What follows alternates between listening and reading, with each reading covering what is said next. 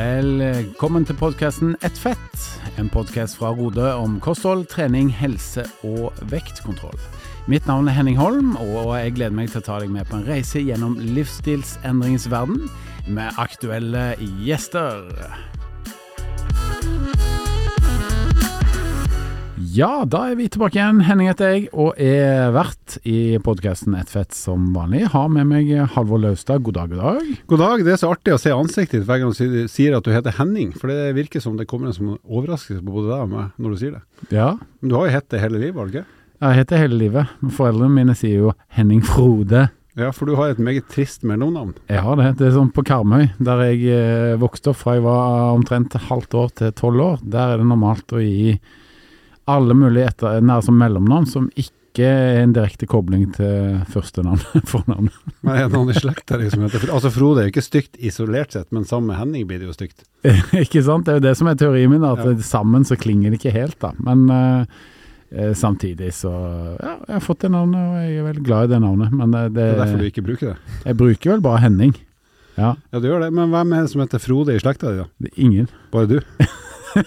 bare meg. Hva slags mellomnavn har du gitt ungene dine? Eh, litt sånn penere, vil jeg si da. Eh, med all respekt. Håper ikke det er noen Men har, som har de tar dette ille opp. Har de mellomnavn? Ja, det har de faktisk. Eh, mel ja, det har de. Mm. Vil du si de? Ja, datteren min heter Mariell og Olene. Uh. Ja, og det er jo etter min bestemor. Og så har du eh, Mathias Oliver, som er jo da etter bestefar. Mhm. Og så har vi han siste, Markus Alexander, og dette er min bror. Så vi, ja. Og skiskytteren Alexander Aas, som ble nummer tre i v-cupen i 2014. Dæven, du er sportsnerd, altså. Vær altså. så god. Har du noe mellomnavn? Nei. Hvis du heter Halvor, så holder det i massevis. Mer dritt enn det trenger du ikke å få. Ikke sant? Altså Det eneste som er I min generasjon så er det Halvor det er da han heter Halvor Kleppen. Det var en skalla barne-TV-fyr som var dritkjedelig. Mm. Det var liksom det råeste. Og så var det en skihopper som heter Halvor Aspol, som på sitt beste ble nummer fem i et eller annet hopprenn. Okay. Så da trenger du ikke noe mer møkk i livet enn å hete Halvor. Da skal ikke ha enda et mellomnavn. Ja. Men nå er det greit. Ja. Det er ett fett. Ett fett. Yes. Du, vi må jo eh, snakke litt om uh, TV-vanene våre. Hva er det du ser på nå om dagen? Det er en stund siden vi har diskutert det. Ja, og eh, i og med at jeg nå prøver å bli moderne i en alder av 50 pluss, så sier jeg skjermvaner, jeg da, siden jeg ikke bare ser det på fjernsynet. Ja, det er bare et forsøk på å være eh, kul. Ja. Jo, jeg har, eh, jeg har tre ting jeg enten akkurat har sett ferdig, eller som jeg holder på å se. Det ene er jeg veldig glad i sport. Så jeg ser, eh, ser en serie nå på Netflix som heter Breakpoint, som handler om noen av de beste tennisspillerne i verden. Sånn litt sånn behind the scenes. ja. Den går på Netflix, annet Kasper Ruud får vi se litt grann fra, så det er litt sånn å se hvordan det egentlig er å være tennisstjerne. Den er helt ok, men ikke så rå som Drive to Survive som var den Formel 1-serien. For de her tennisspillerne er litt for snille, hyggelige, flinke folk. så det, det, De har ikke så mye med seg annet enn at de er dritgode til å spille tennis. Så det, jeg blir, sitter liksom ikke og venter på hva slags sprø ting de finner på, for de drikker sportsdrikk og sover. ja. Og Så det er ikke. Otto Wolff, altså. Ikke i det hele tatt. Nei. Så det er litt sånn lavt test, testonivå der. Eh, men eh, interessant. Mm. Og så, og så ser jeg på en serie som er litt flau for å si, men det, den heter Tulsa King, og det er jo han Sylvester Stallone Ja.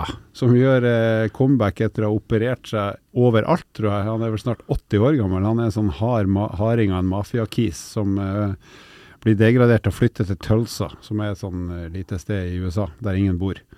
Så han skal slå seg opp lokalt der, da. Så det er litt sånn der Harrytass-serie, men den er litt kul òg, så jeg minner meg å ha sett alle episodene av den. Ja, og siden du innrømmer det, så hvis du skal rulle terningen da, på den serien du kikker på, hva lander du på da? Eh, ja, på min terning så er det jo ingen av de som får noe med en terningkast to, eh, som egentlig er ganske bra. Det er godt nok til at jeg gidder å se på det. Men det er jo litt fascinerende å se min gamle helt Rocky. Altså. Sylvester Stallone og gode gamle Rocky. Så se, han ser jo fortsatt ganske i gåseøyne bra ut, selv om han er hundgammel. Men det er nok primært pga. operasjoner og diverse treninger og andre stimulanser. Men jeg har jo en siste da, som jeg begynte å se på i går, Mm. som jeg faktisk er litt spent på. Det er en dokumentar om Pamela Anderson. Ok. Ligger på Netflix, kom ut i går eller foregårs. Og ja, jeg har sett Pamela Anderson naken. Ikke live, men jeg har sett det på eh, bilder. Ja. Eh, Og så husker jeg hun var jo hotshot de luxe på 90-tallet med Baywatch og eh, alt Mm. mulig rart hun holdt på med. Så jeg er litt spent på om den gir et lite eh, ordentlig blikk bak fasaden, både hvordan det var før og hvordan hun har det nå. Så den er jeg litt spent på. Så, men det er jo et mønster her, da. Enten så er det dokumentarer, eller så er det spenning. Eller, Eller action. eller nakne damer. Tydeligvis. Kanskje vi skal gå videre her. Jeg tror vi skal gjøre det. Hva ser du på, Henning? Du, vet du hva, dette er litt spesielt. Jeg ser på en serie på Netflix som heter Fauda.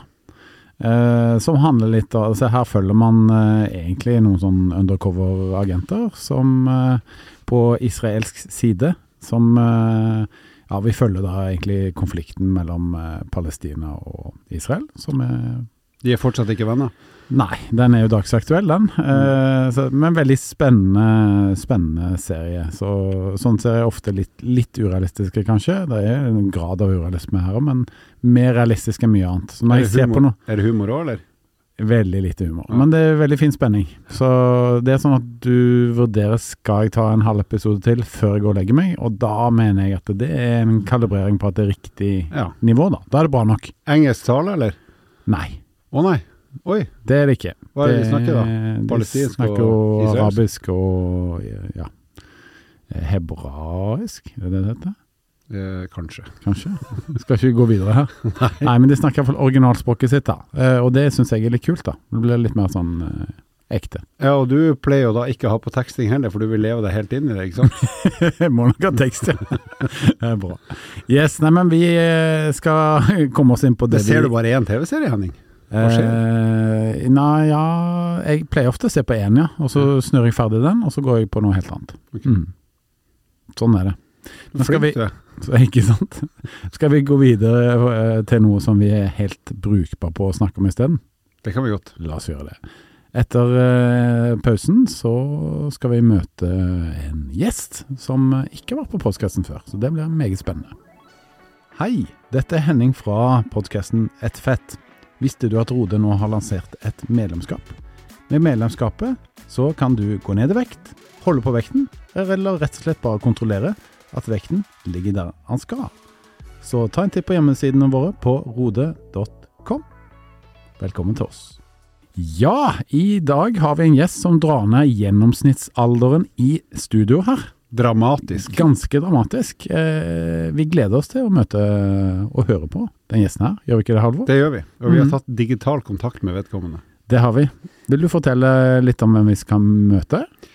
Ja, nå skal vi møte ei som heter Anni Fredriksen, som har som hovedjobb å være det vi kaller, eller det hun kaller, kreatør i Aller, Aller-systemet.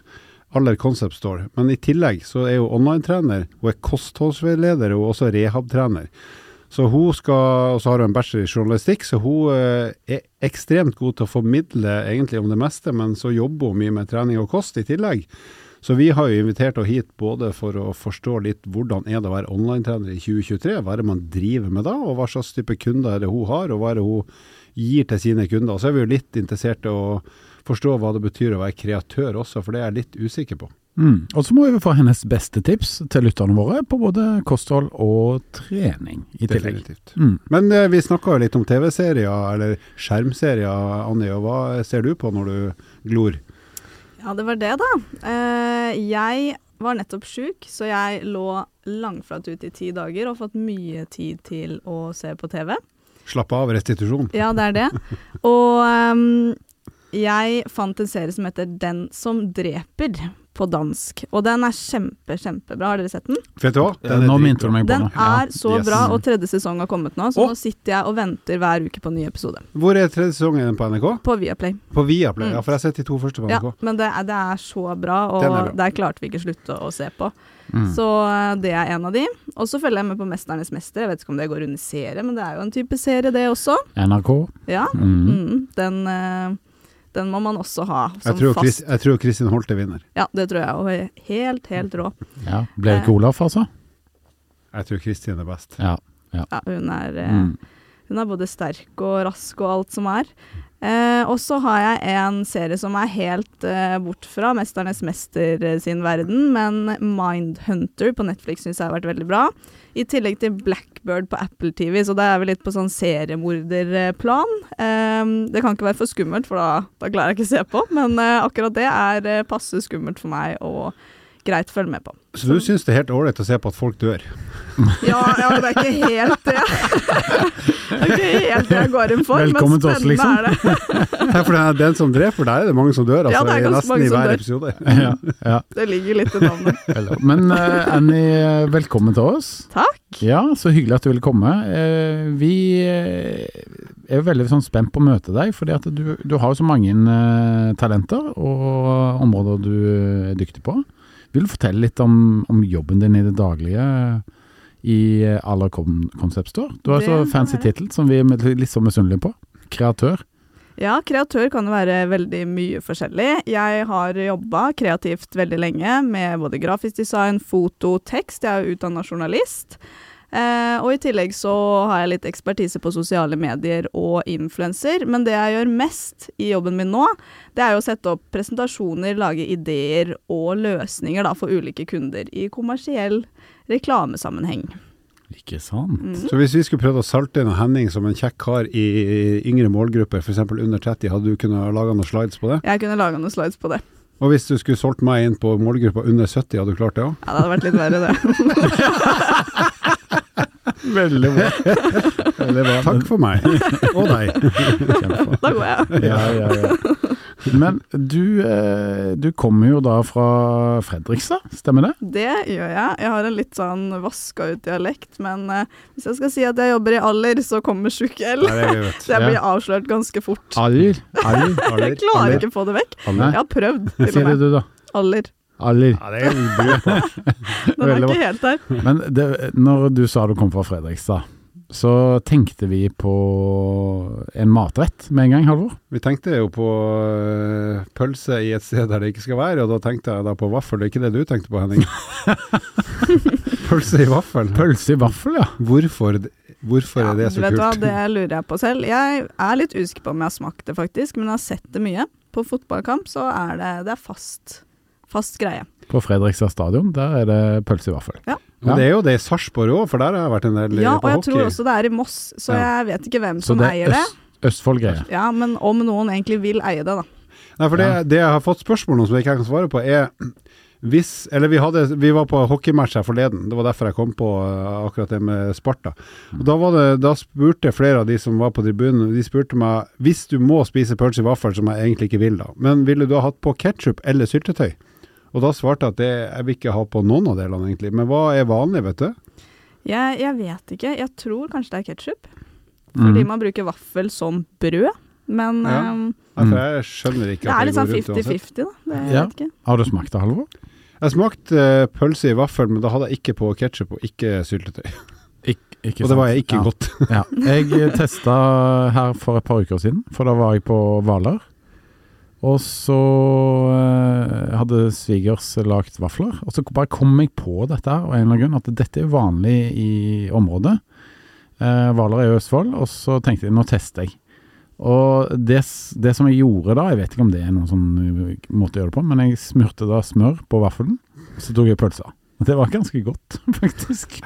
Ja. Men eh, jeg var litt sånn, jeg hadde akkurat kommet fra løpetur og var litt sånn litt for sulten. Så det kan være at det gjorde at det smakte bedre enn det det egentlig gjør. Altså matlysten min. Det er en veldig rar kombinasjon. Ja, det er Mm. spesielt. Men du, du har en Insta-konto som heter Anni Rab med dobbel A, altså Ja. A-N-N-I-E, R-A-A-B, altså en underscore, Ja. sant? Det er faktisk mitt mellomnavn. Ja. Så jeg kommer fra et sted med mye mellomnavn, jeg òg. Men det er et veldig uvanlig mellomnavn. Men det er rett og slett fordi i familien min så har alle jentene samme mellomnavn, og alle guttene et annet mellomnavn som er det samme. Akkurat. Så det er Hva, veldig, veldig rart. Det, det er ikke etternavn? Det er et Nei, det er mellomnavn? Oh, ja. Mm -hmm. hva heter guttene da? Bård. Bård, ja. Litt Ja, ja. mer Fredrikstad. ja. Det er jo egentlig bare Rab baklengs da, og så med. Å istedenfor. Ja, ja, samme det. Ja, men da vet dere, for hvis dere eh, skal følge henne etter at dere har hørt, så er det bare å eh, slenge inn på Instagram. Ja, og det ville jeg gjort. Hun har en kul Instagram-konto. Der er det mye mm. innhold som eh, gir mening både for matglade og treningsglade. Definitivt. Så det er et godt tips. Um, vi uh, har lyst til å snakke litt om online uh, trening, vi. Mm. For det kan du fortelle lytterne som ikke helt vet hva det er. Kan du fortelle hvordan det foregår? Ja, altså jeg starta jo egentlig som eh, fysisk PT, men eh, pga. endringer og fordi jeg jobber i en annen jobb, så har det vært gunstig for meg å gå over online. Og det er rett og slett at jeg følger opp kunder tett eh, over nett, og de får planer av meg som jeg endrer ukentlig eh, etter at de sender inn en ukesrapport. Og så hjelper jeg dem med å tilpasse og skape en bærekraftig livsstil da, over nett. Så vi, vi ser ikke hverandre, men vi snakker over en chat, da. Mm. Ja, så chat, og så sender du over programmet, rett og slett. Ja, det ligger i en app, så de Mm. kan loggføre der. Ja. Mm. ja. Men du Henning har gjort litt av det samme, og du gjør vel det fortsatt etter korona? Jeg har gjort det, tydeligvis. jo. Men eh, der hvor eh, Altså, det som jeg har gjort mest av, er at det jeg kjører live digital trening. Sånn at jeg eh, har et eh, treningsopplegg. eh, så kunden trener mens jeg ser på at kunden trener på skjerm. Så det er jo det jeg har gjort mest av, både gjennom pandemien. Og så er det noen av kunder, så, så kunder som har blitt så glade i det, at når de reiser på ferie og lignende, så vil de opprettholde dette. Da. Så jeg er spesielt ei dame jeg følger opp, som reiser mye til Spania. Og da trener jeg jo på skjerm. Så da, Eh, men da, det, så da vil hun rett og slett ha deg servert på skjermen selv om hun har ferie? Ja, det vil hun. Mot alle odds. Det Ja. er bra kunderelasjon. Mm, mm. Ja, ja, men det er det jo. Jeg har jo jobba som PT i veldig mange år, så fra spøk til alvor, så har jeg uh, spøk til halvor. To, da. Det er ikke lov å si. Nei. Nei. Det holder, det holder ikke, den stryker vi. Hei, vent litt, Annie. Du kan ikke være på lag med han.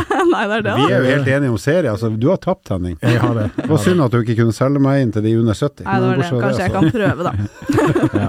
Nei, men de kunderelasjonene har jeg hatt i mange år, så noen av de har jeg tatt over i det digitale formatet. Men du følger opp eh, kunder, noen kunder halvår på den måten som Annie gjør, ikke sant? At du programmerer og følger opp eh, digitalt. Ja, nå er jeg ikke jeg så flink som Annie, og jeg gjør det på en litt enklere Altså, du har nok et bedre tilbud enn meg, men det jeg gjør, er at jeg følger opp noen som driver med kondistrening på mosjonsnivå, men som er ivrig, da, litt sånn som meg sjøl. Så jeg har noen som løper en del, og noen som vil bli bedre til å sykle, som jeg rett og slett gir treningsprogram til. Og da er det mer som en mailutveksling. Jeg kunne sagt chat, men det er mer at vi sender mail til hverandre, og så vet jeg, jeg følger de på Strava, så jeg vet hvordan de trener, så jeg kan legge opp programmene ut fra hvordan jeg ser de logge treninga si på Strava. Ikke sant? Og Oda har jo eh, et nettkurs eh, hvor man da får, kan få oppfølging skriftlig, både i forhold til matplaner og oppfølging eh, med gode tips på hvordan man skal ja, opprettholde gjerne um, en vektreduksjon, eller passe på at vekten er på det nivået man ønsker at han skal være der sånn målsettingsmessig. Så det finnes jo en del sånne løsninger i markedet. Men eh, hvordan måler du fremgang på dine kunder og sånn, da? De legger inn mål, og de em, har en graf i det systemet jeg jobber i, som gjør at uh, de ser om det går opp eller ned, eller hvilke faktorer som endrer seg. Jeg kan også se om de har sovet bra, om de har stressa, antall skritt. Så jeg får liksom en helhetlig vurdering. Litt mer enn da jeg var fysisk PT, hvor uh, vi kun hadde den ene eller to timer i uka, da. Mm. Så fikk fulgt opp litt nøyere. Men jeg har jo også erfaring med å ha gruppetimer over skjerm. For når jeg starta som PT, var det midt i verste koronaen, så da ble fort alt digitalt. Så jeg har hatt litt av det, jeg òg. Hvordan er det? Og hadde du live-timer da, eller Ja. du inn? Ja. Jeg hadde livetimer, og så hadde jeg bedriftstimer. Mm. Hvordan syns du det var? Å øh, være live og energisk selv om du egentlig ikke Det kunne funker jo. Ja, Ja, men eh, det, er, eh, det er utfordrende, for jeg er vant til å, når jeg har gruppetimer, stå og gaule til litt høy musikk. eh, og det går jo ikke over skjerm. Da er det enten meg eller musikken, hvis ikke så blir det helt kaos for den som er på andre siden. Så det var jo eh, litt annerledes, og jeg foretrekker nok å ha det fysisk, altså. Jeg er ganske glad at det ikke varte lenger enn det måtte. Ikke sant. Ja. Jeg må innrømme at som, øh, nå har jeg hatt mye sykkel- og løpetimer sjøl, og jeg, jeg må innrømme at det å ha en å trene andre, mange da, i gruppe med fysisk tilstedeværelse, det syns jeg er mye morsommere enn å ha det via skjerm, når det er mulig, rett og for du får jo kjenner jo på energien og, og kan ta i litt mer og gi litt mer av deg sjøl som instruktør, så det syns jeg er jo er, er klart det artigste, selv om det er selvfølgelig bedre å gjøre skjerm enn ingenting. Ja, nå er vi litt inn på fordeler og ulemper med online trening kontra fysisk. Eh, hvordan ser du på det? Hva er liksom de største fordelene da, med digital trening eller online trening? Ja, altså det jeg liker best med online trening, er jo at jeg får fulgt opp kundene enda tettere. Det nevnte jeg jo litt nå i stad også, at eh, de legger jo inn live oppdateringer når de er på trening. De må ikke komme og trene med meg mandag klokka seks fordi vi har den avtalen, men de kan trene litt når de vil og når det passer de. Så det, det funker veldig godt å ha en PT i lomma på den måten. Eh, og hvis det er teknikktrening, så sender de inn videoer, så det funker jo veldig, veldig bra, den delen.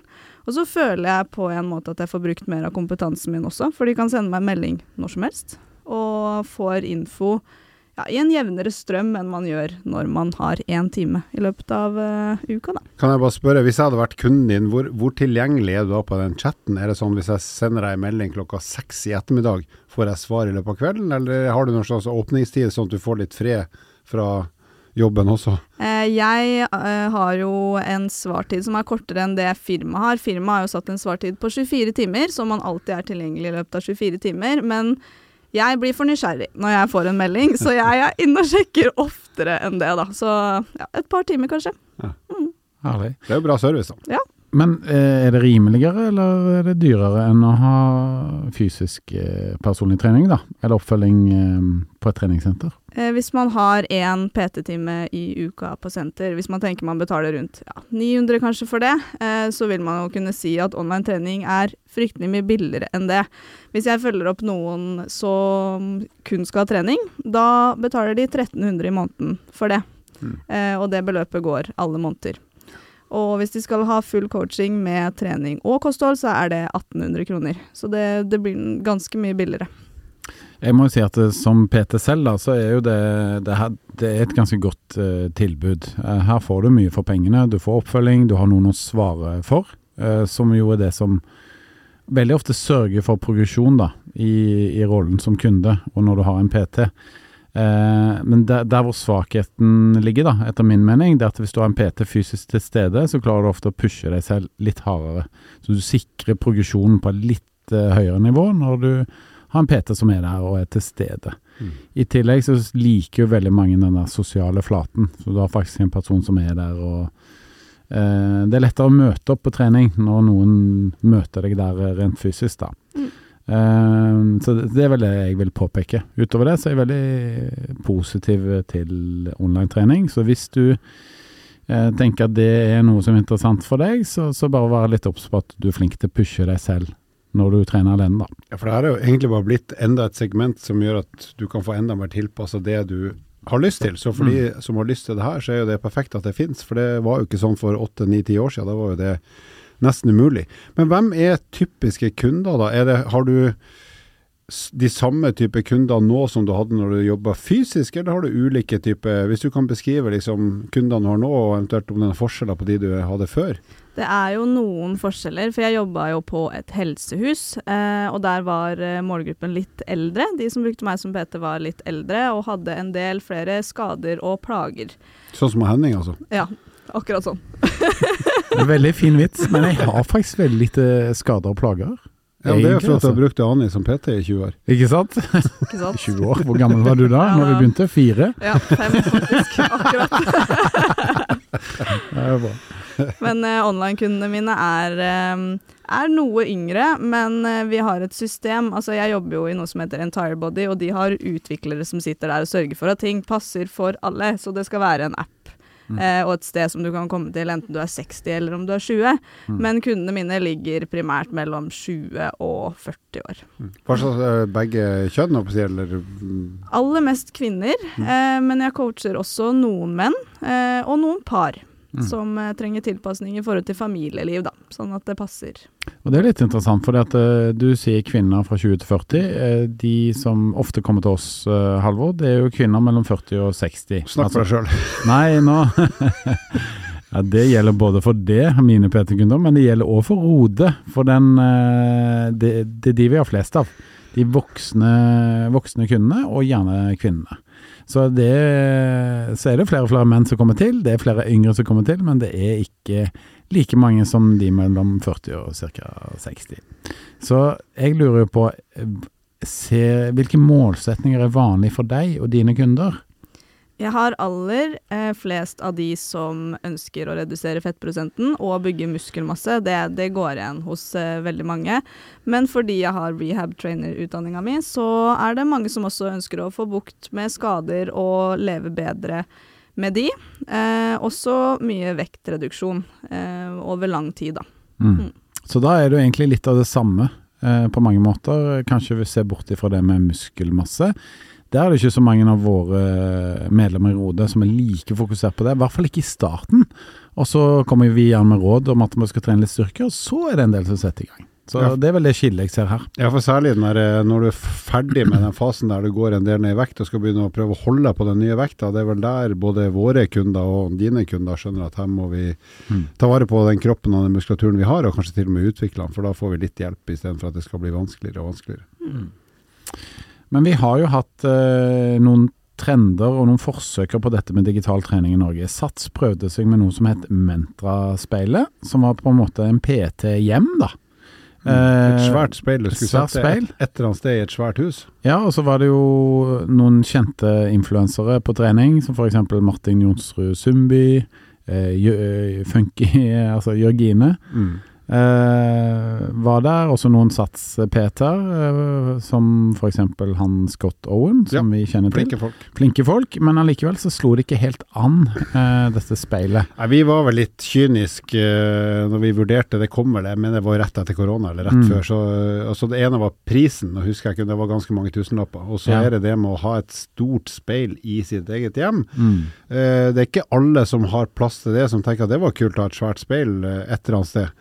Eh, Så det var liksom to ting. Og så, så, så pris og det speilet seg sjøl gjorde jo at vi var ganske sikre på at det ikke der skulle bli noe gigasuksess, og det har det jo ikke blitt heller. For nå har de jo prøvd å selge det på rabatt i snart et år, og nå har det vel i praksis lagt ned hele satsinga, tror jeg. Ikke sant. Vi fikk dessverre rett. Ja, Så det var vel en, en sånt forsøk som ikke var vellykka. Så har vi et annet fra USA som heter Peloton, som har vært en sånn svindyr spinningsykkel der du kunne være med på livetrening, som blåste stemmer. opp noe hinsides i starten. Mm. Virkelig tok av, og så, og så stoppa det fullstendig.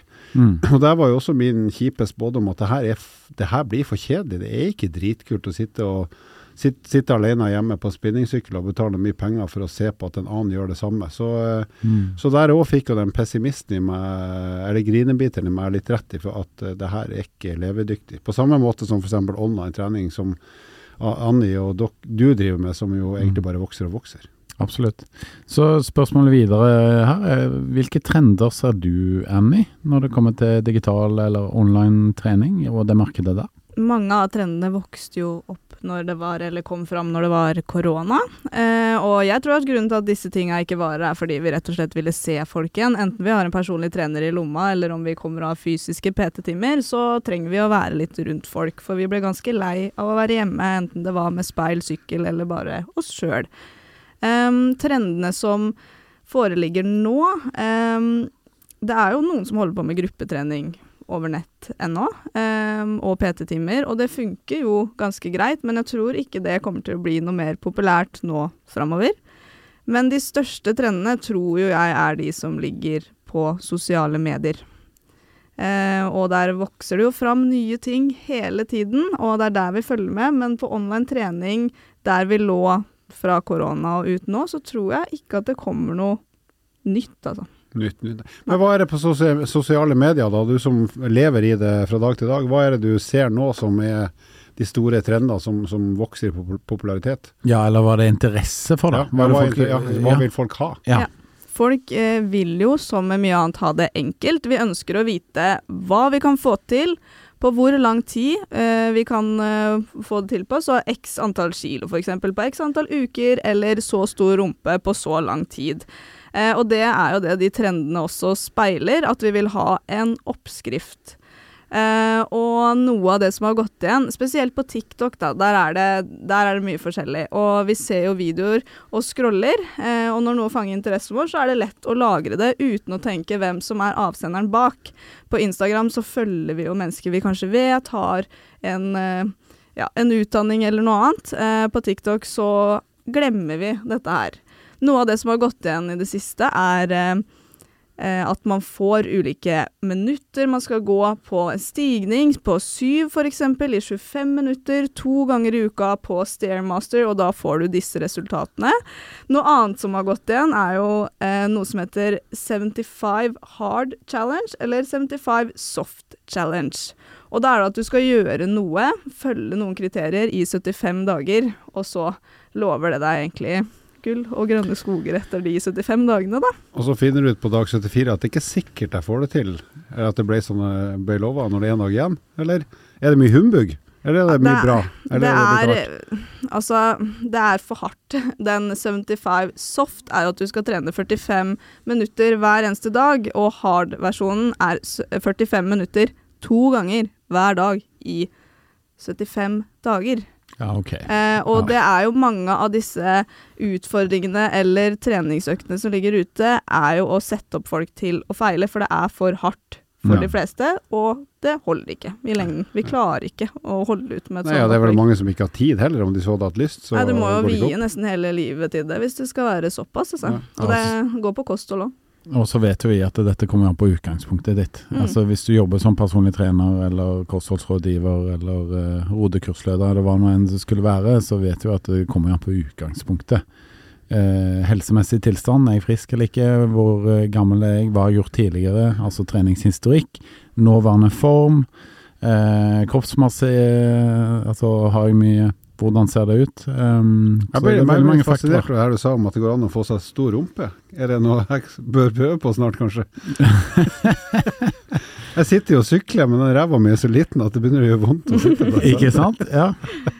Du bør kjøpe noen timer ennå. Jeg må, Ja. Du må gi meg Det er jo nok ikke meg du skal gå til da, hvis du Ja, du gi meg et, jeg vil ha et TikTok eller Insta-tips, sånn at jeg kan få gjort Ja. noe med Ja, det, det jeg sitter på. Men det er jo spesielt sånn på sosiale medier, både på Instagram. Der føler jeg at det er litt lettere for fagfolk å komme fram med noe kunnskap. Um, og det ligger ikke i en feed hvor du scroller igjennom uendelig mange videoer.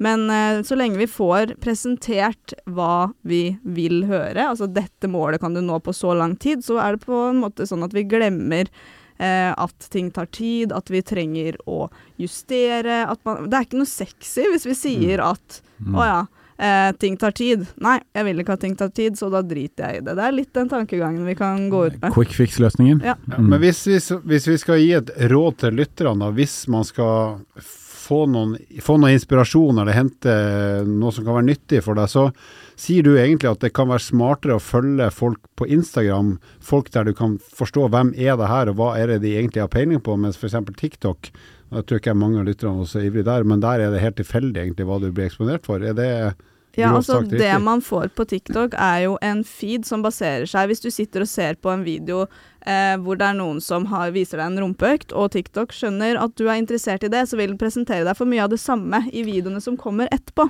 Ja, men det er ikke noe garanti for at det er faglig kvalifiserte råd du får. Absolutt Nei. eh, ikke. Og Faglig kvalifisert rumpe? Faktisk. det er også en greie. Syns det er det du er opptatt av, Halvor? Ja. Men eh, jeg Mm. tror bare at man uansett på sosiale medier bør ta seg tiden til å sjekke at den som presenterer deg en sannhet eller et opplegg, den har eh, erfaring, utdanning og kunnskap til å ha hold i det de sier at du skal gjøre, da. Amen, sier jeg da. Mm. Amen. Du, eh, vi er jo nysgjerrige på hva, hva slags type trening du sjøl liker, når du bare skal trene for deg sjøl. Hva gjør du da? Ja, jeg trener for det meste styrketrening fire ganger i uka, men eh, jeg har drevet med konkurransedans i hvor mange år ble det? Åtte? Ni år. Eh, så jeg liker at det er litt høyt tempo. Eh, så jeg drev faktisk med crossfit en liten periode, men pga. ryggskade etter dansinga så går ikke det. Så da er det styrketrening.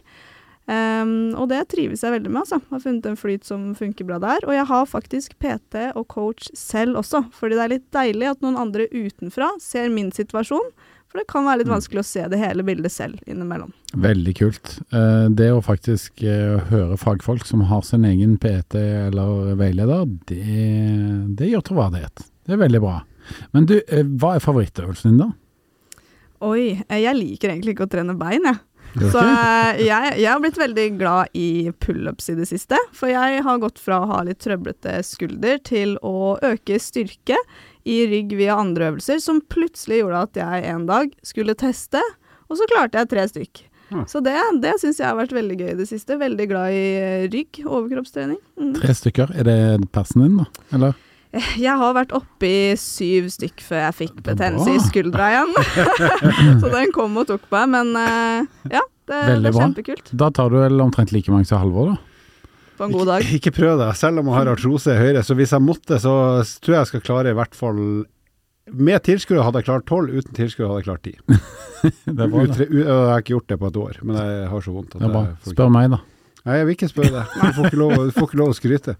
Jeg klarer iallfall 30. Ja, det, er- jeg. det sjukeste er at Den du klarte jo klart, du klarte, Det var jo et halvt år du ikke trente styrke for noen år siden. Mm. Og så skulle vi gjøre en test etter et halvt år, og da tok du jo Tok du ikke 30 da, eller noe sånt? Nei, jeg tok 23. 23, ja. Mm. Og da var det seks måneder siden forrige gang du hadde gjort det. Det Det er ganske spesielt. Det er det. Og det er jo fint at du er flink til noe òg, Henning. I tillegg til å være pen, da. Eh, Det er godt. Det er godt. Ja. Vi har alle noe, tydeligvis. Ikke alle. Ikke alle. Ikke jeg. Har ikke rumpe. da. Bra. Nei, men eh, har du et mål da for eh, 2023? Er det å forbedre pullupen, eller er det noe annet? Eh, Jeg har egentlig et mål om å få bukt med alle skadene. Jeg har hatt veldig lange perioder hvor jeg nesten ikke har klart å bevege meg noe som helst med belastning eller kunne trene i det hele tatt.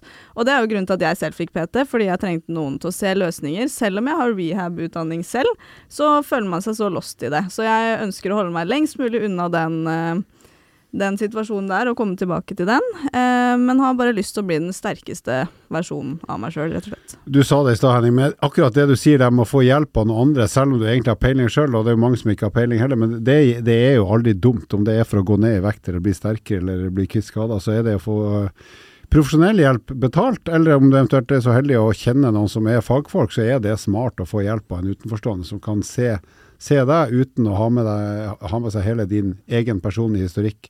Og da får man ofte et annet svar enn man hadde kommet fram til sjøl.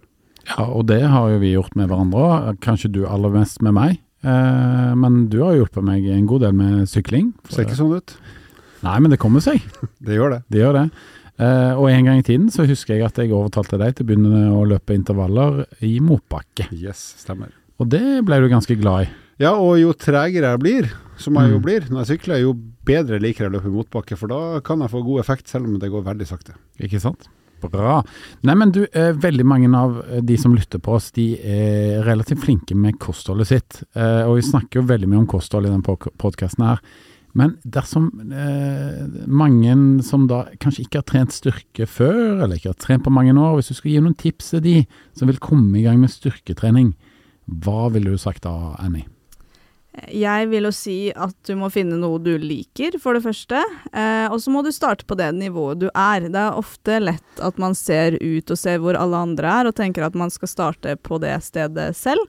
F.eks. starte fem dager i uka når du egentlig bare har kapasitet, og utgangspunktet ditt sier at du burde starte med to.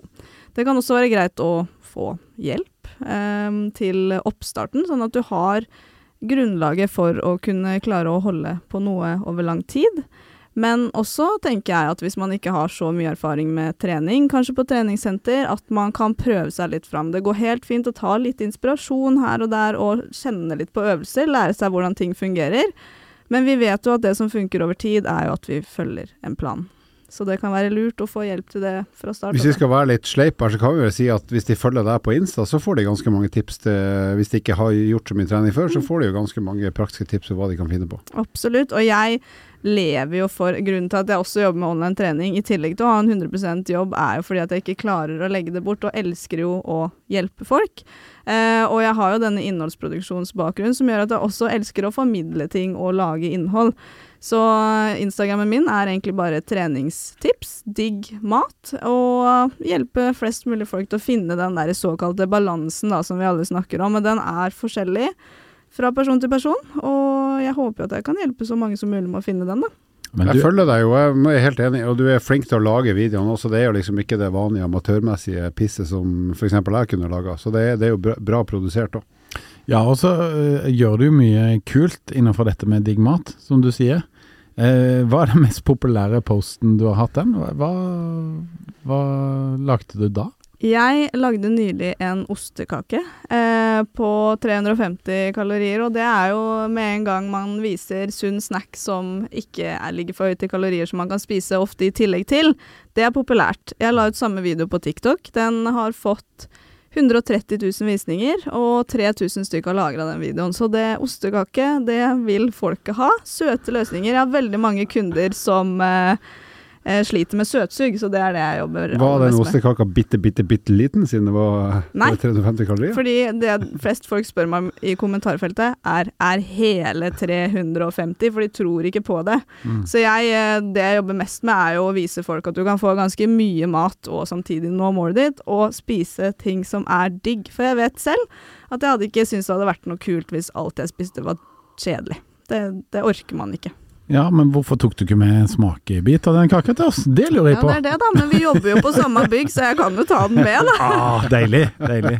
Bra. Men hva med, har du noen gode tips på sånn eh, mat, da? Altså ikke det som dekker det søtsuget, som jeg vet mange eh, ja, eh, sliter med, eller har, rett og slett. Eh, hva med liksom type middagstips?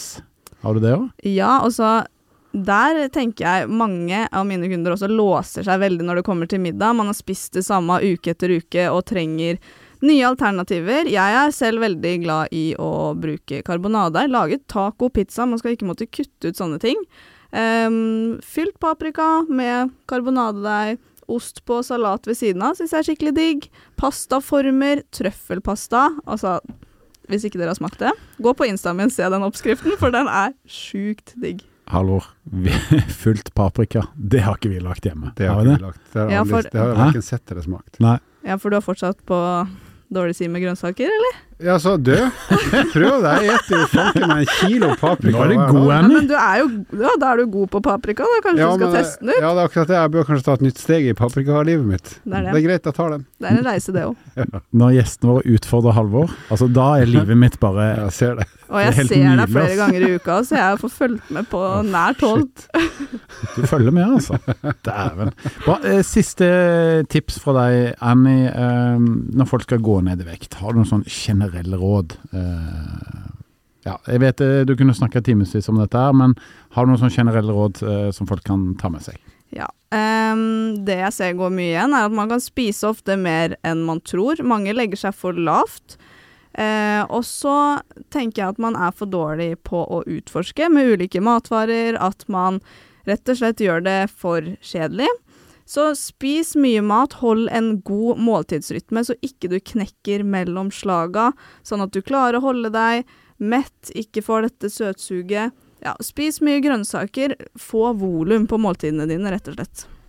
Mitt tips i den forbindelse er at hvis du skal unne deg noe godt en gang i uka, så ta en pølse i vaffel med syltetøy. Med syltetøy, var det det vi landa på? Nei, det var smør. det var det. Herlig. Eh, tusen takk, Annie. Dette var meget, meget nyttig, altså. Tusen takk for at du kom på besøk til oss. Tusen takk for at jeg fikk komme. Vi håper du kommer tilbake, vi. Ja, det gjør jeg gjerne. Jeg kan å skravle, jeg. Nydelig. Da er det på tide med dagens eh, fun fact, og den dreier seg om matveien den òg, hvis jeg forsto det riktig her, eh, Laustad? Ja, eh, Anni snakka jo om pizza. Jeg er veldig glad i pizza. Jeg er jo glad i den mest banale pizzaen i verden, nemlig Grandiosa. Eh, jeg sjekka ut hva som er verdens største pizza, og den var, den jeg håper den er spist opp nå, 1261 kvadratmeter. Den ble satt i Roma, og pizzaen var til og med glutenfri. Så det er jo en imponerende size på en pizza, så jeg antar det var ganske mange som spiste den. Og så begynte jeg å tenke på min personlige rekord i pizzaspising er å spise tre Grandiosa på 20 minutter. Akkurat 20 minutter. Det gjorde er jeg det gjorde jeg i tredje klasse på videregående. Da var jeg ganske mett etter nummer to. Men så regner jeg på det. Det betyr at jeg har sannsynligvis spist nesten en kvadratmeter Grandiosa på 20 minutter. Så hadde jeg tatt en liten bit av den romapizzaen. Så da hadde du klart det da på 1261 dager, da? Hvis du hadde gjort det samme hver dag? Noe sånt. Kanskje jeg hadde klart Jeg tror jeg hadde klart to kvadratmeter per døgn. Ikke sant? Hvis jeg hadde gått innimellom. Veldig bra. Eh, med Halvors dårlige innflytelse på folk, så håper vi at dere ikke hører etter akkurat det, men velge velger sunne, gode vaner i hverdagen din, at du har ei fin uke der Jeg hjemme. håper at du òg får ei fin uke, Henning. Takk for det, min gode mann. Og tusen takk igjen til Annie. Tusen takk for at vi fikk komme. Da ses vi igjen snart, eh, og så eh, sier vi ha en strålende uke. Du ser oss på Facebook-gruppa, altså Ett fett.